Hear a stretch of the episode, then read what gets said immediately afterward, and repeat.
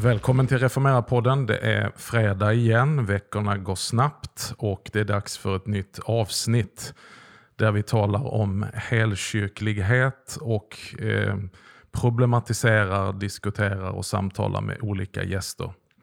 Dagens gäst är nog, nog inte obekant för de flesta av er lyssnare. Han är professor i kyrkohistoria, en författare till flera böcker, flitigt förekommande krönikör och skribent i många olika medier, bland annat Expressens kultursidor. Kanske många av lyssnarna har mött på honom på tidningen Dagens sidor. Och, eh, han driver också Läsarpodden och är även engagerad i den ekumeniska kommuniteten i Bjärka Säby. Ett stort och varmt välkommen till Joel Halldorf. Tack så mycket. Joel, vi tänkte att du har lite lite utrymme i mediasfären så att vi ville förbarma oss och ge dig en inbjudan till vår podd. Ja, tack för den gör tanken. Du...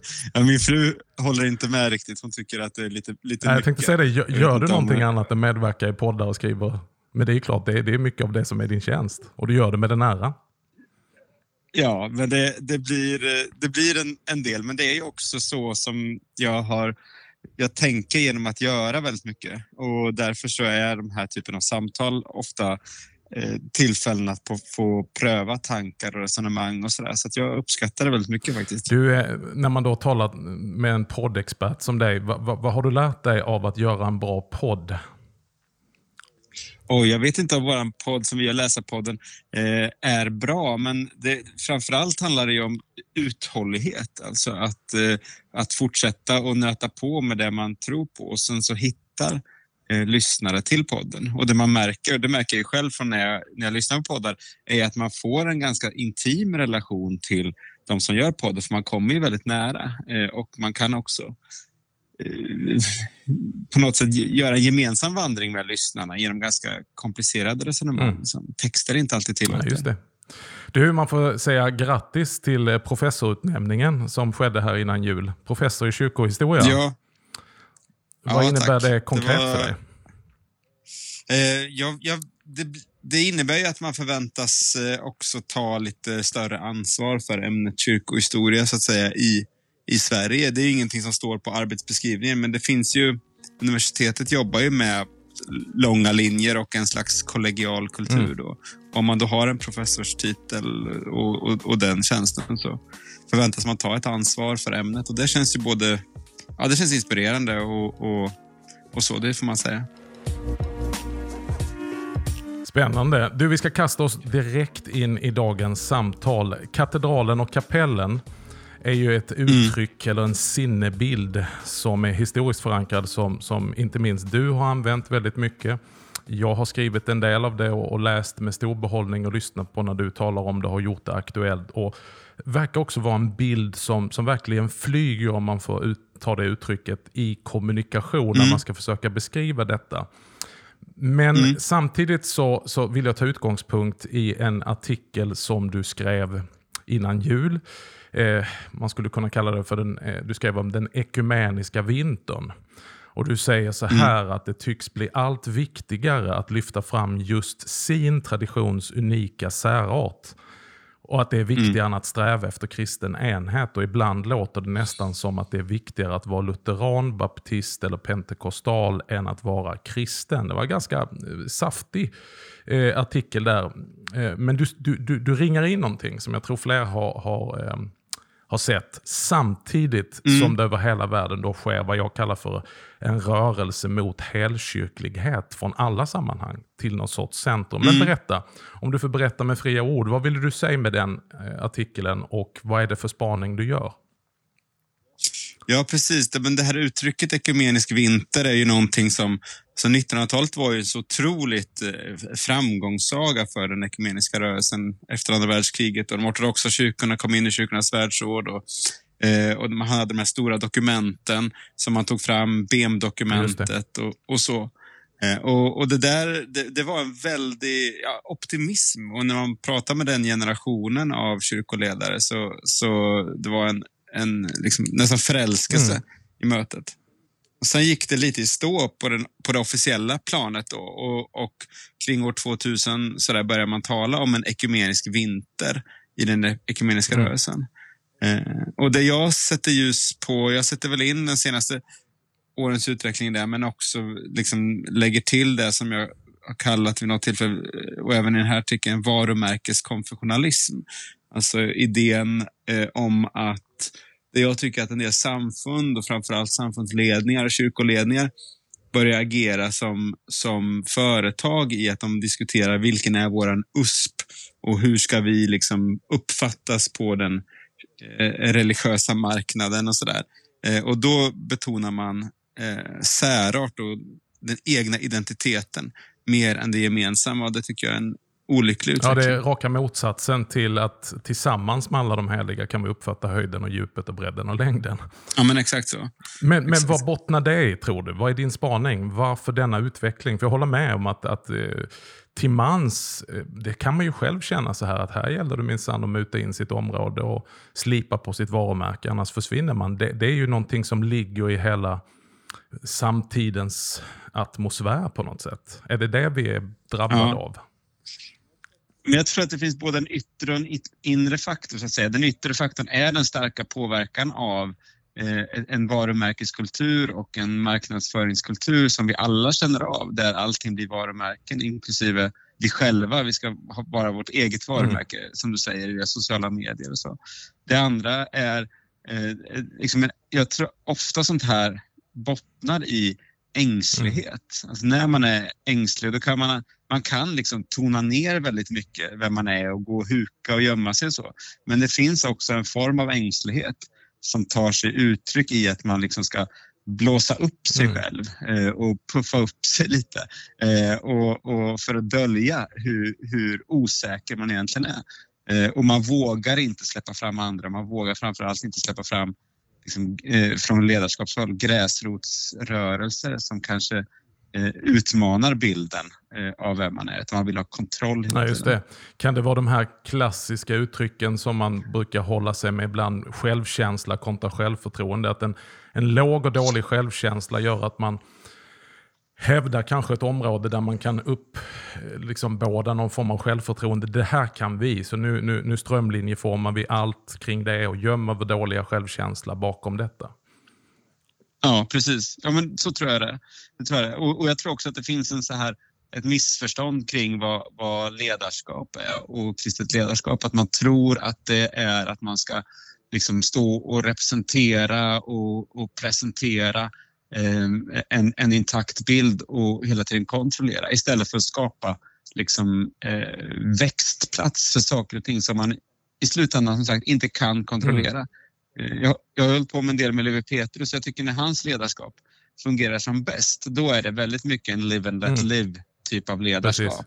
Där han, där han släpper fram olika rörelser och bara liksom säger så länge det, så länge det växer, så länge det bubblar, så länge det utvecklas, då, då, då är jag med. Då finns det något här att ta vara på. Det finns ju något riskbetingat eh, som, som många ledare kan rygga tillbaks med. att så att säga, in lack of better words, utveckla någon form av kyrklig darwinism. Alltså, the fittest will survive. Alltså våga experimentera, våga vara generös och mm. låt eh, tusen blommor blomma och så får vi se vad som, vad som blir bestående.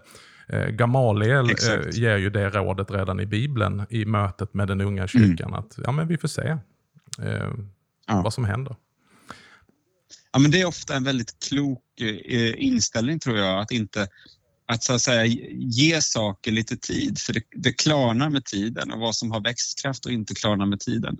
Eh, att man ska tro att man kan exakt bedöma livskraftigheten och så med saker och ting som bubblar upp. Det, det, kan man inte. Sen om det är något som är uppenbart osunt och så vidare, då får man ju såklart eh, kan man ju behöva mm. agera. Mm. Men, men i, inte just liksom i kontrollens eget namn. Men är det inte då paradoxalt att vi, vi lever i en tid, inte minst i kyrkan, där man med ord talar väldigt mycket om mångfald. Men mm. i konkret eh, praxis så blir det ju nästan mindre mångfald. Om jag förstår dig rätt så är det den spaningen du gör och mer strömlinjeformat. Va, varför? Ja.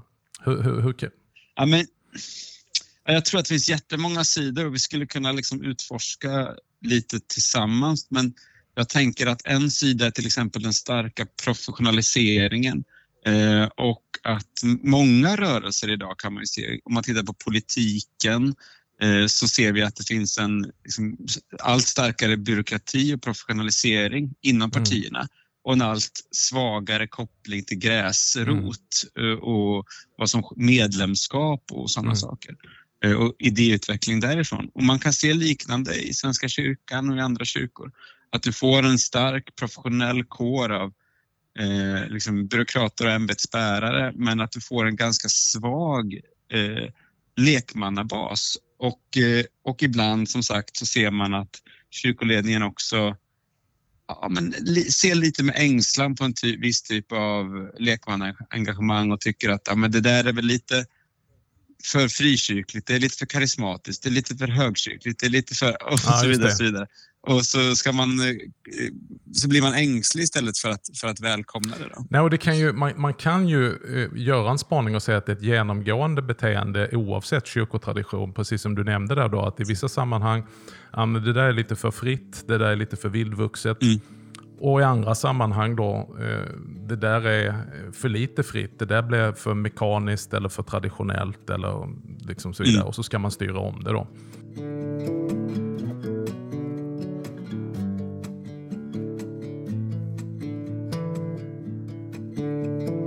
Men då tänker jag så här.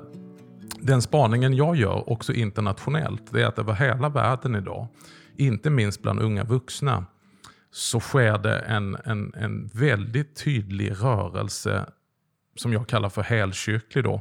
Det vill säga att man mm.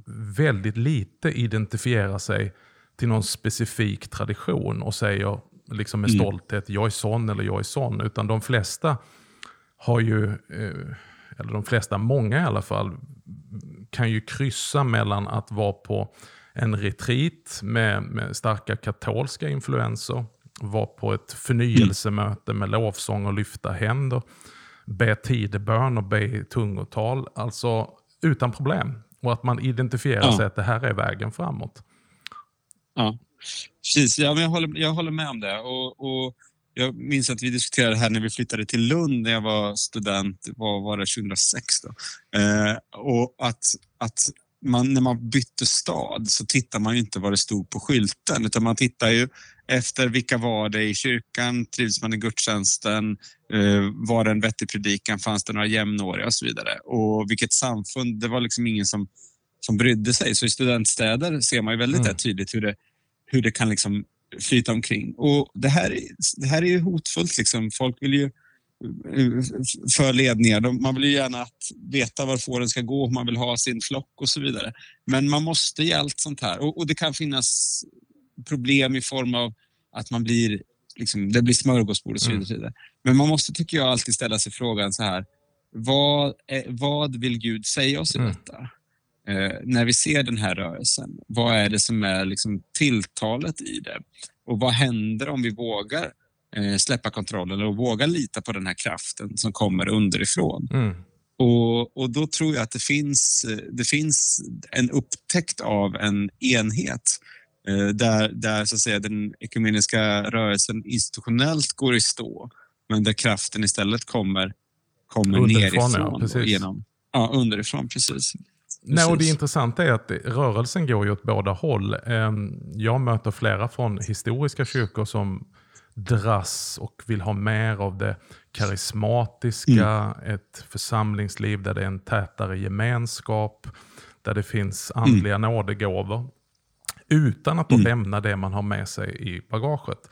Och Sen finns det andra, likt Exakt. mig själv, som, som kommer från en frikyrklig eh, pingstbakgrund och där jag är jättetacksam för, för mycket som jag har med mig, men som jag tycker landar bäst då i en lite bredare historisk tradition där detta ryms i den stora katedralen. Mm.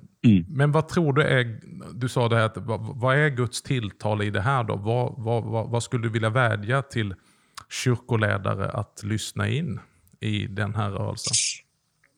Ja, men att se att... Jag tror att man kommer långt om man ser kyrkan som, som formad av olika spiritualitetsströmmar.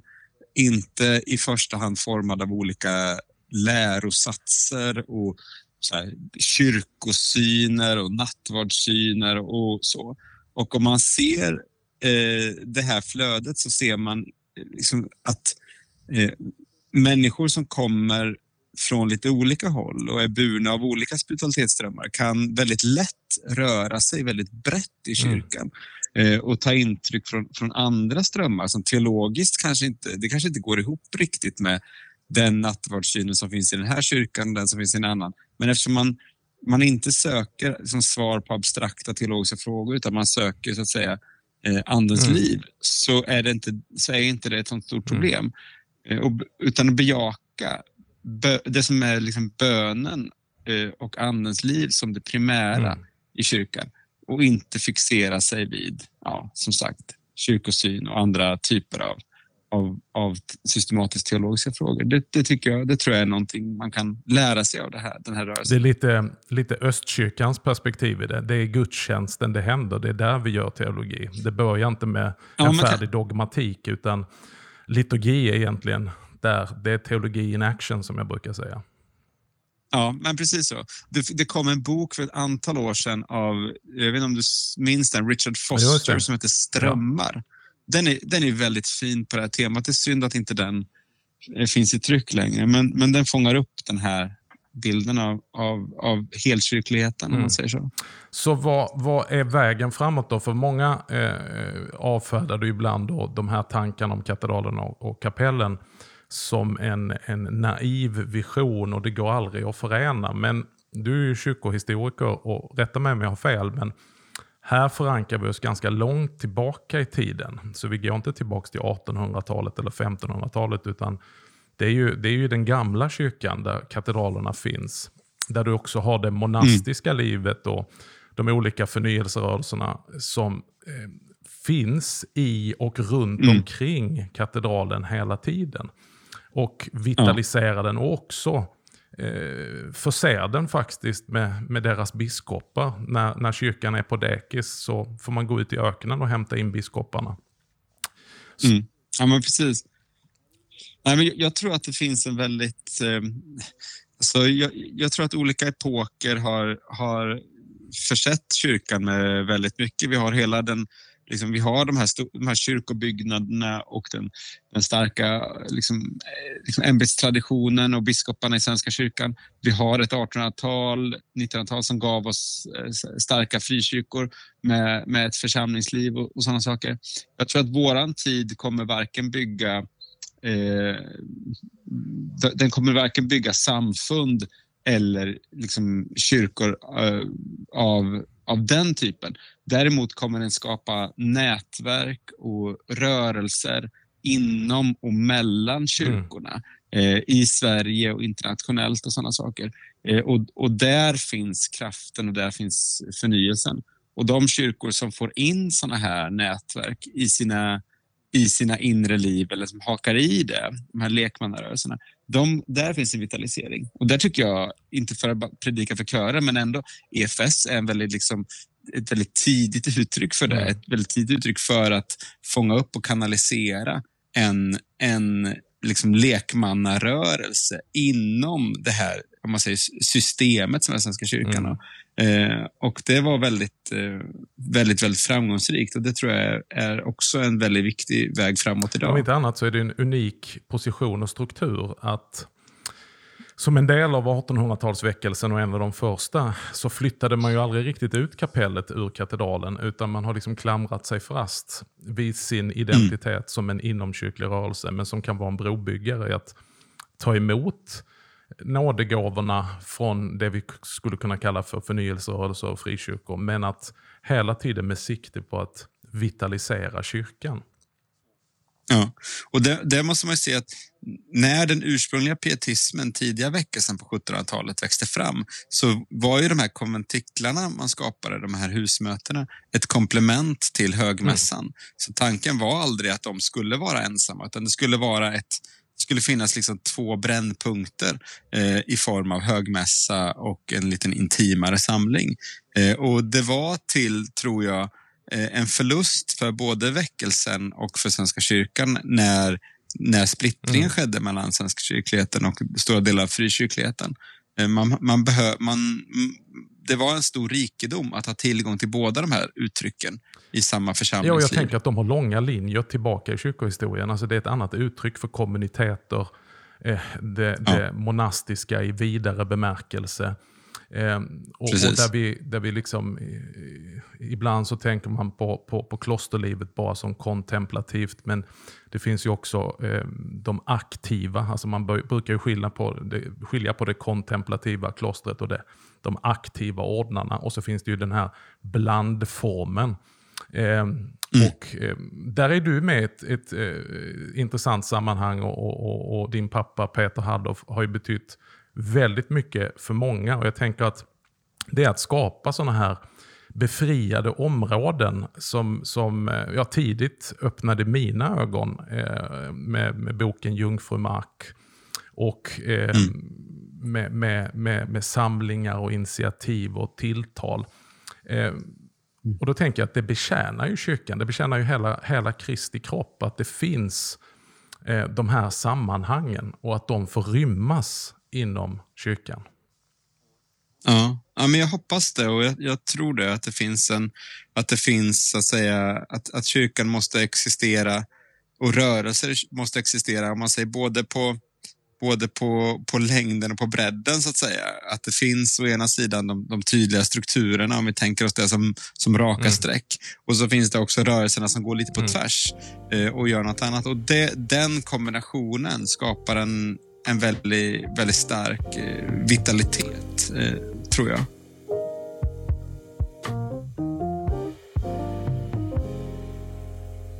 Och, och det, här, det här skulle man ju kunna då eh, eh, tänka eh, som en sinnebild i alla fall. Alltså inte för att vi har katedraler i, i, i varje samhälle, men vi har ju en struktur i vårt land där kyrkan mitt i byn finns över hela vårt land i minsta samhälle såväl som i storstäderna. Att där någonstans mm. finns det som även sekulariserade människor förknippar med att där är kyrkan. De väldiga tornen mm. som sträcker sig upp emot himlen, de rymliga valven. Men många av de här mm. kyrkorna eh, gapar ju tumma och kanske används främst för en huvudgudstjänst på söndagen. Kan det finnas en framtid, tror du, där de här eh, katedralerna inom situationstecken kan härbärgera så att förutom huvudgudstjänsten på söndagen så finns det olika sådana här gudstjänstfirande gemenskaper och böneliv som skulle kunna fylla den måndag, tisdag, onsdag, torsdag, fredag och på det viset vara en mångfaldig enhet, vara en katedral fylld av olika inomkyrkliga kapell. Är det en naiv vision mm. eller finns det en väg framåt där? Nej, men jag tror att det, det det finns någonting där i, i en möjlighet. Alltså jag tycker att Svenska kyrkan har ju en väldigt unik position i det svenska kristna landskapet med sin öppenhet, sina låga trösklar, sin, liksom hur många människor som, som knyter an till Svenska kyrkan. Och Det är något fantastiskt och, och värt att bevara. Och Man kan se också att man utsträcker den här gästfriheten till att också bli ett hem för liksom bönegemenskaper och gudstjänstföreningar. Alltså, EFS började som en nattvardsföreningsrörelse mm. eh, som, som tar form också på lite okonventionella mm. sätt eh, inom, inom liksom församlingarna. För församlingen är ju Svenska kyrkan en geografisk storhet, ett geografiskt område. Eh, och inom det kan det uppstå väldigt mycket.